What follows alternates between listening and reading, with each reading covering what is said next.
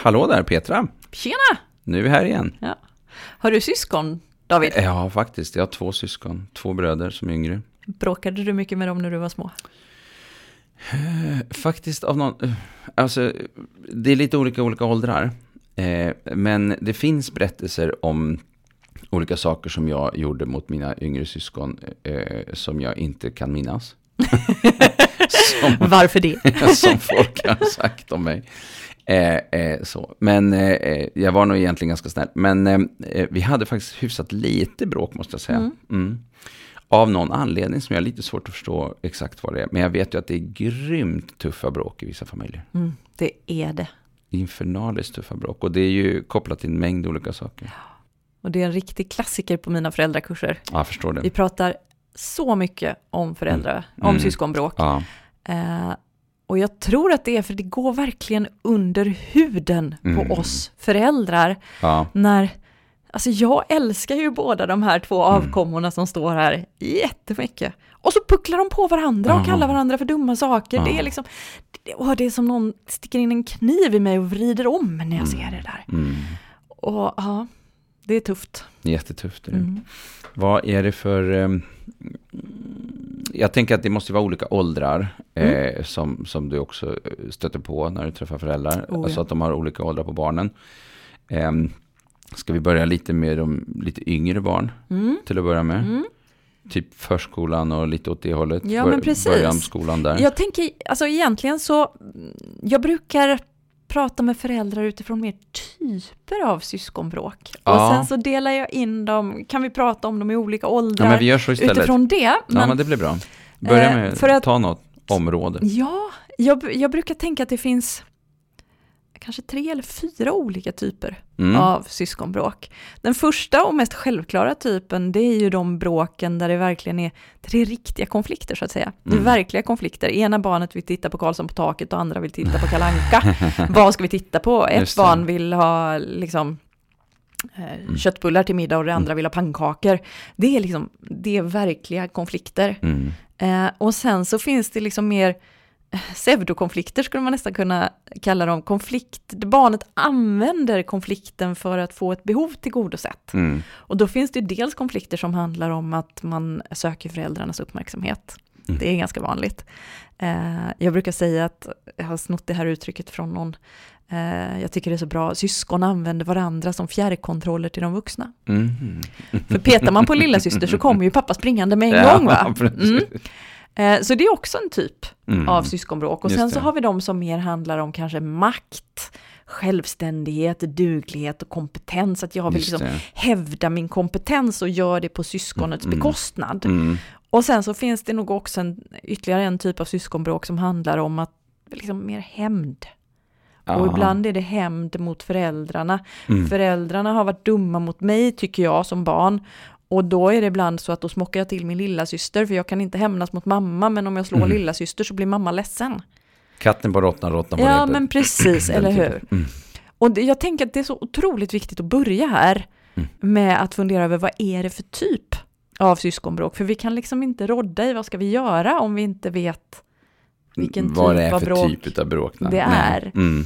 Och då kan man ju börja med att liksom kartlägga när bråkar barnen till exempel. Mm, mm.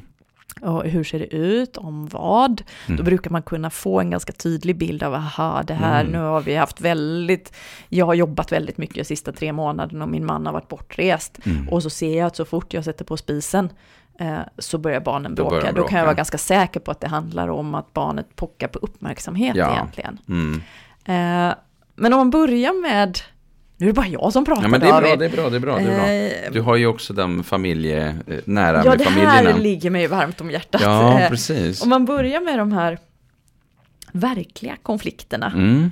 Eh, när barnen faktiskt är osams om någonting. Mm. Då har jag lite så här, don't och do. Ja. Alltså vad är det vi föräldrar inte ska göra? Vad tror du föräldrar brukar göra David? De skriker väl att de ska sluta antagligen. Ja, typ så ja. Mm. ja jag har ju sagt till dig Just och ni det. vet ju att och vi liksom mm. ger barnen någon sorts ganska ofta högverbal information om hur de borde uppföra sig. Just det. Uh, och det är ganska Och kanske styra över hur det blir också. Precis, Nej, det är nu, två olika delar. Ja, precis. Ja, det ena nu blir är... det pannkaka, punkt slut. Nu, det, Exakt. Mm.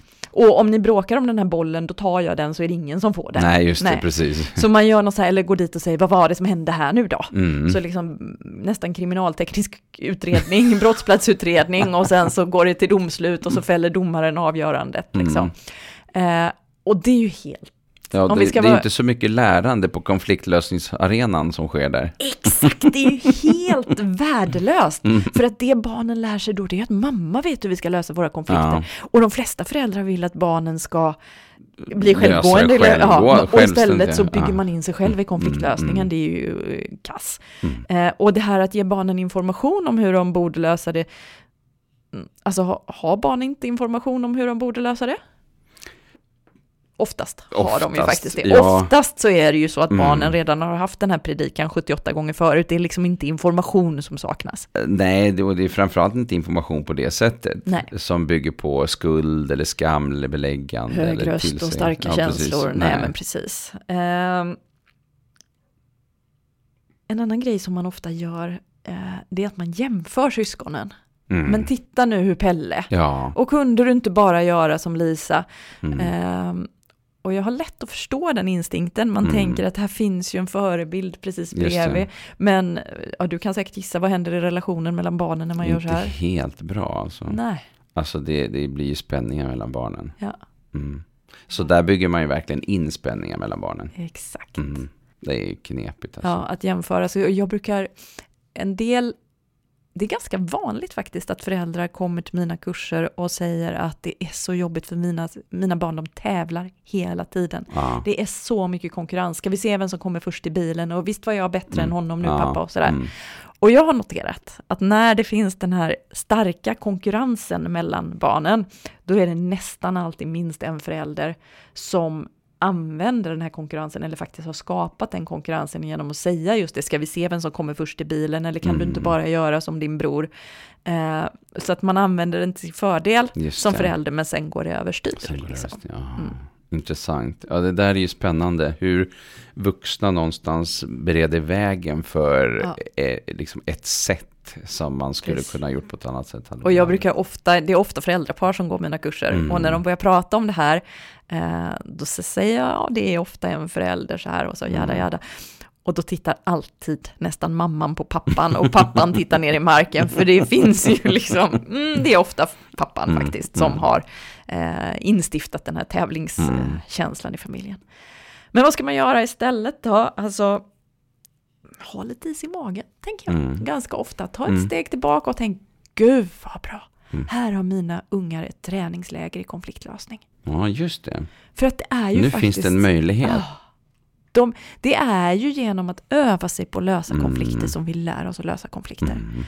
Och det, syskonrelationen är ju ett väldigt bra en väldigt bra möjlighet för att mm. träna det, för syskon finns ju alltid kvar också. Mm. Man får nya chanser hela tiden. Jag kallar min bror för jävla idiot och sen så måste jag ändå sitta och äta middag med honom.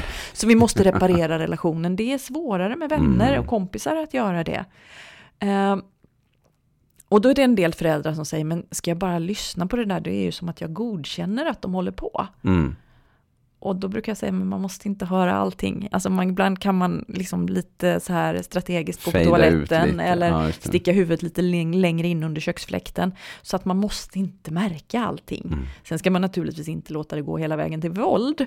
Men Nej. en liten knuff någon gång kanske också kan få vara okej okay, faktiskt. Man lär sig rätt mycket på att knuffa någon och märka att den blev ledsen och sen fick jag inte låna hans Pokémon-spel. Så det, det ja, finns det är ju alltid det där med, med avvägningar och det där lite, lag, lite vad som är lagom på något sätt. Ja. Va? För att eh, i vissa familjer så, så finns det ganska mycket säga, våldsamma inslag ja. mellan syskonen så att mm. de faktiskt bråkar rejält. Mm. Eh, och verkligen pucklar på varandra. Mm. Och, och där är det ju verkligen problem. förälderns ansvar. Ja. Ja, på tal om ansvar som vi pratade om i föregående mm. avsnitt, mm. verkligen förälderns ansvar att gå in och skydda mm. alla barn. Uh, men vi måste inte alltid gå in med en gång. Nej, utan det. ibland så kan man tillåta en knuff och se vad som mm, händer. Ja, mm. ehm, tänker jag. Men det måste ju varje förälder sätta sin egen gräns, naturligtvis. Måste, ja, precis. Mm.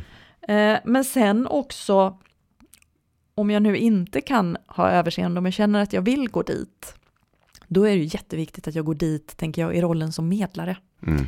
Mm Inte polis, inte brottsutredare, inte domare, utan just medlare. Mm. Berätta, vad mm. är det som händer? Ja. ja. men han tog min boll och sen så kallade hon mig för jävla mm. idiot och så smällde mm. han igen dörren och så. Vänta lite nu, jag måste få kolla här. Nu börjar jag prata med dig Pelle. Mm. Berätta. Ja, och så berättar han hela historien och så mm. sammanfattar man sen och säger, som jag fattat det rätt så är det viktigt för dig att få ha dina grejer i fred. Är det så? Ja! Och sen så vänder man sig till det andra barnet. Så nu vill jag höra hur det här var för dig. Just det. Och så sammanfattar man. Och som jag fattat dig rätt så är det viktigt att du får vara i fred på ditt rum. Är mm. det så? Ja! Mm. Och sen så säger man okej, okay, så nu har vi kommit fram till att det här är viktigt för er. Har ni något förslag på hur ni kan göra nu så mm. det blir bra för båda två? Just det. Eh, och det här sättet att lösa konflikter, det, det händer ju inte över en natt. Utan Nej, det tar process, många år, ja. det är verkligen mm. en process. Mm. Men och så i början behöver vi kanske vara med barnen och säga, jag tänker att det här skulle kunna vara ett alternativ. Vad mm. tänker ni om det? Så jag visar att jag är här, jag stöttar er, det är ni som har ansvaret och jag finns här bredvid er och hjälper er. Uh, och jag vet att jag, jag njöt så mycket första gången när mina, nu får jag skryta lite, när mina mm. barn var kanske 10 och 12, så hörde jag min dotter säga till min son vid ett tillfälle, men kan vi inte bara göra sådär som mamma brukar säga, att vi, vi ser om vi kan hitta en lösning som funkar för båda? Och då tänkte jag, my work yes. here is done.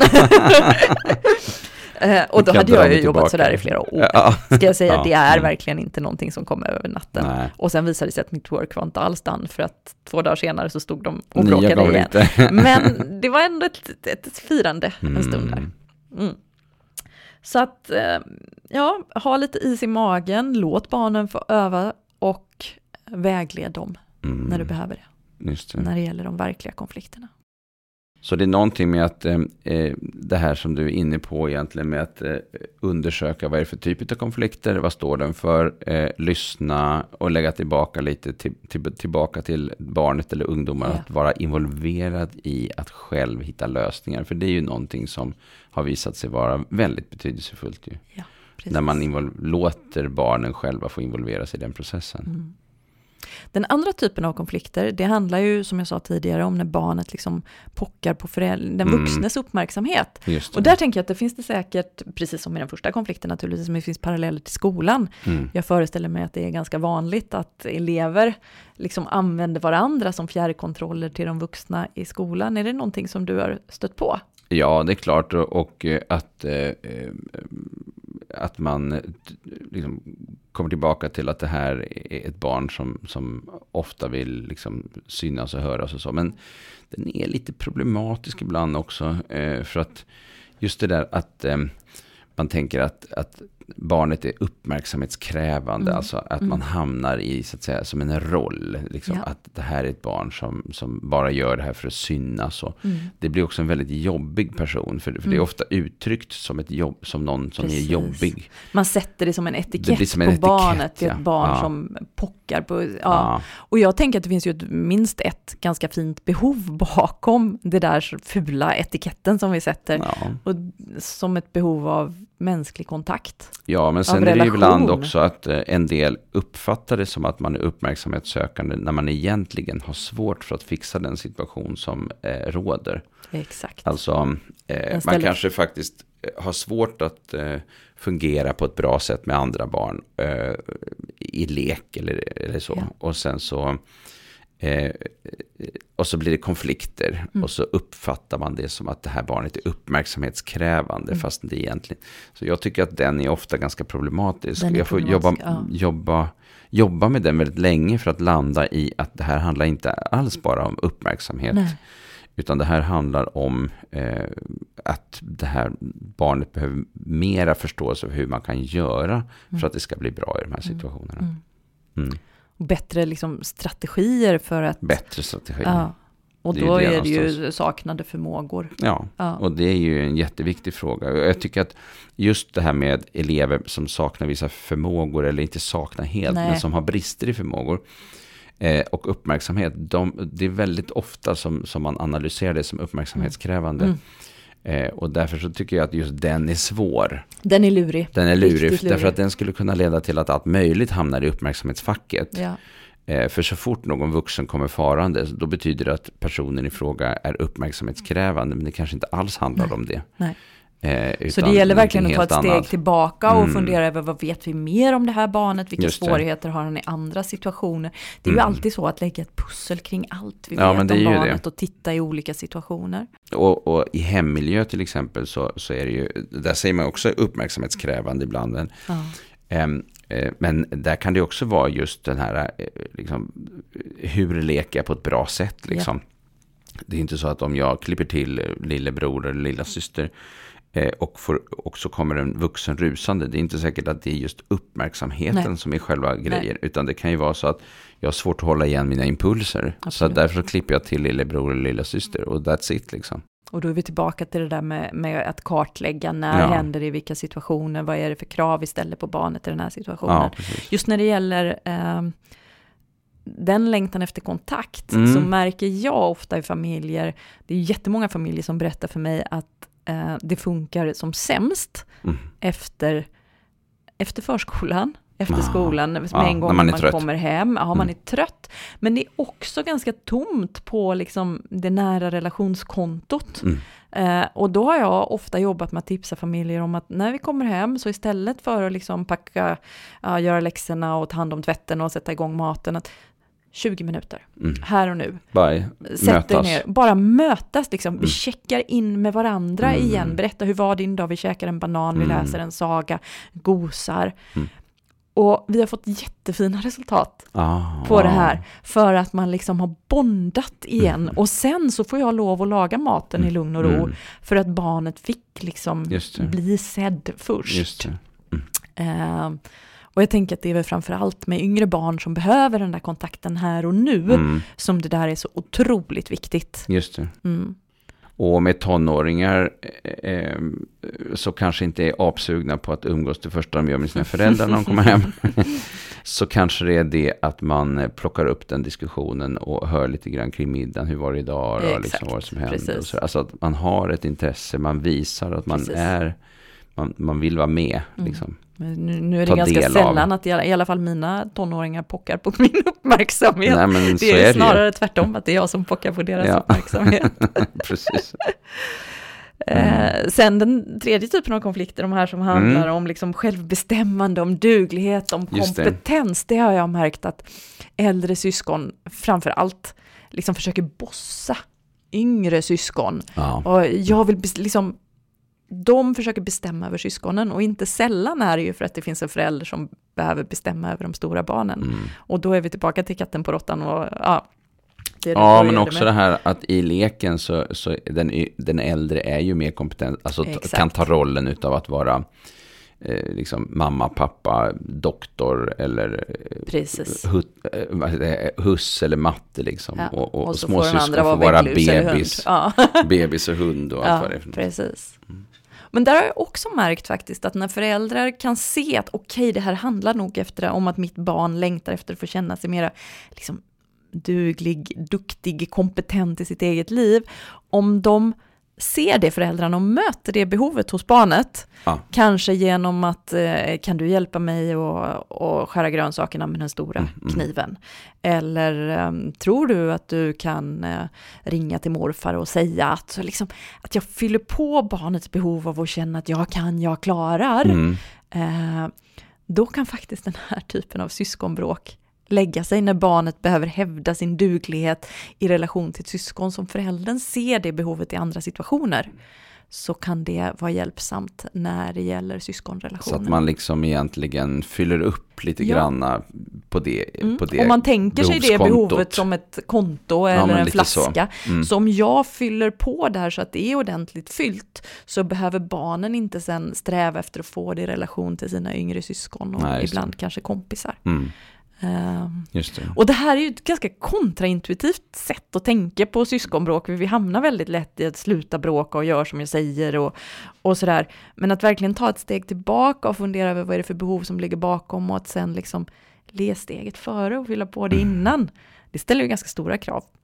Ja, det gör det ju. Och jag tänker att det, det finns, eh, vad ska man säga, det, det är ju en slags... Um, det handlar ju om att, vara, att tänka till, mm. alltså att ha en tanke om saker och ting och mm. inte bara agera i stunden utifrån alltså, en känsla Nej. emotionellt. Liksom, utan det handlar ju någonstans om, om det som vi ibland kallar vardagspedagogik mm. på något sätt. Mm. Eh, alltså hur, hur, kan man möta mm. då eh, barnen eller ungdomarna på ett bra sätt. Mm. Precis. Nu har jag pratat Ja, men du har ju ett idag, område David. Till. Ha, har jag? Eller var det inte jo, fyra? Jo, men det var ju en fjärde och sista konflikt. Ja, och den handlar ju om det där med att, alltså ibland så upplever jag att syskon är dumma mot syskon. Mm. För att de faktiskt är sårade själva. Ah. Och inte alltid av sitt syskon, utan mm.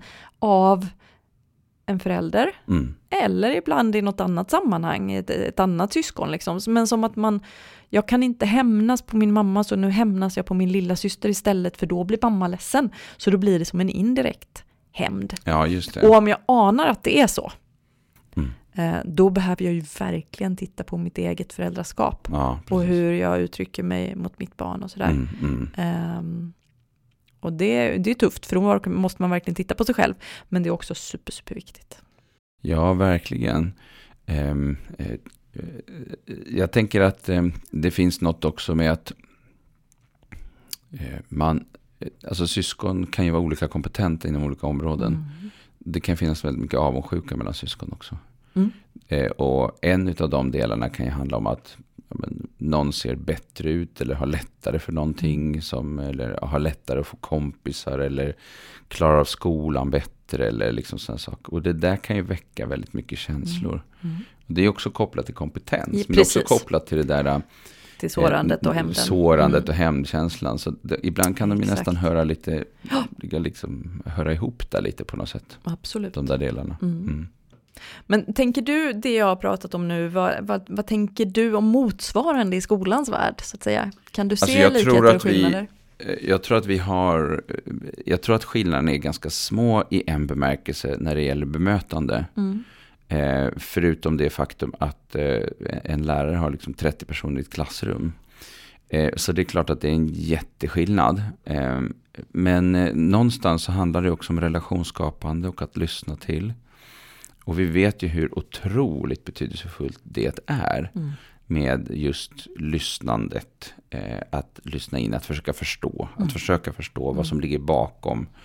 Eh, och, och, nyfikenheten eh, på vad var det som gjorde att det blev som det blev. Inte bara agera, liksom, mm. sluta, stopp, nej, inte liksom. Utan mer det här liksom att också försöka lyssna till eh, berättelsen, vad, mm. vad man tänker. Och, och, sen kan det ju finnas massa saker som ligger bakom det, där allt det här som du har tagit upp finns mm. med, liksom, mm. tänker jag. Eh, så. Men eh, eh egentligen tillva, tillvägagångssätten mm. behöver inte vara så vansinnigt annorlunda. För att ibland så kan det ju räcka med att man har faktiskt kanske gjort så. Jag, tycker, jag har hört om elever som liksom bara Tycka att någon lärare som de tidigare inte har liksom haft någon särskild positiv känsla för. Så, men bara det att när man lyssnade vid ett tillfälle och verkligen, verkligen lyssnade på riktigt och tog till sig någonting. Det kan vara som att vända på en, fem, alltså på en femöring. Det är otroligt effektfullt när man plötsligt känner sig lyssnad till. Och det kan handla om till exempel, jag tänker på det här med anpassningar om man har funktionsnedsättning, dyslexi till exempel och, och, eh, vi kan ta det och eh, prov. Eh, och eh, plötsligt så är det liksom fel och man har inte tänkt till och sådär. Och sen har man någon som lyssnar och som säger, men så här kan vi inte ha det. Och liksom löser det och går till den läraren och säger liksom att, eh, att en specialpedagog kanske eller, eller någon lärare säger, men, men så här måste vi lösa det liksom för att, och så blir det så. Och det är ju bara så här, wow, när det händer. Exakt. Och jättemycket förtro på, på förtroendekontot plötsligt. Precis. Så det är någonstans det också. Ja. Och det där förtroendekontot är så otroligt viktigt. Mm. För om jag har lyssnat på barnet vid ett tillfälle och kanske dessutom hjälpt barnet att få vad hon behövde i det sammanhanget. Ja. Så är det som att barnet går mig till mötes nästa gång. Ja. Eh, och det är så som samarbete uppstår. Ja men det är ju så ja. det är. Och det är det vi behöver röra oss i riktning mot. Mm. Mm. För att annars så, ja och eh, jag tycker att det är lite fascinerande. Eller jag tänker så här att vi kanske är födda med en förmåga att liksom kunna hojta och gorma och ha oss. Mm. Det är ingenting som vi har lärt oss kanske. Jag, jag tänker att det kanske är så eh, mer. Men att, eh, att göra på ett annat sätt. Alltså att ha en, en mera pedagogisk hållning. Liksom, mm. ska säga. Att lyssna, att, det har vi också med oss. Men, men att det, i heta stunder. Mm så eh, är vi inte alltid så bra på att liksom plocka fram de där alternativa strategierna. Och det är det som vi behöver börja öva oss på då. Och det är inte säkert att man ska göra det då heller. Du, du nämnde ju förut att smida medan järnet är kallt. eh, som jag tyckte var, var kul eh, och bra. Och, ehm, eh, så det är ju inte säkert att det ska vara precis mitt i hettan. Nej. Men lite efter. Men däremot eh, Ja. Och det är ju också med syskonbråk tänker jag. Absolut, att eh. involvera barnen i mm. hur blir det för er när ni hamnar i de här situationerna. Eh, jag är inte säker på att jag fattar och för mig blir det så här och hur mm. kan vi göra framöver för att vi inte ska behöva hamna i det här Just det. Mm. jättejobbiga läget ja, igen. Precis. Ja, mm. mm. Bra, vad spännande det här eh, området. Ja, det är spännande. Det, det är en riktig favorit för mig. Tack för idag nya, David. Nya tillfällen. Tack för idag. Hej hej.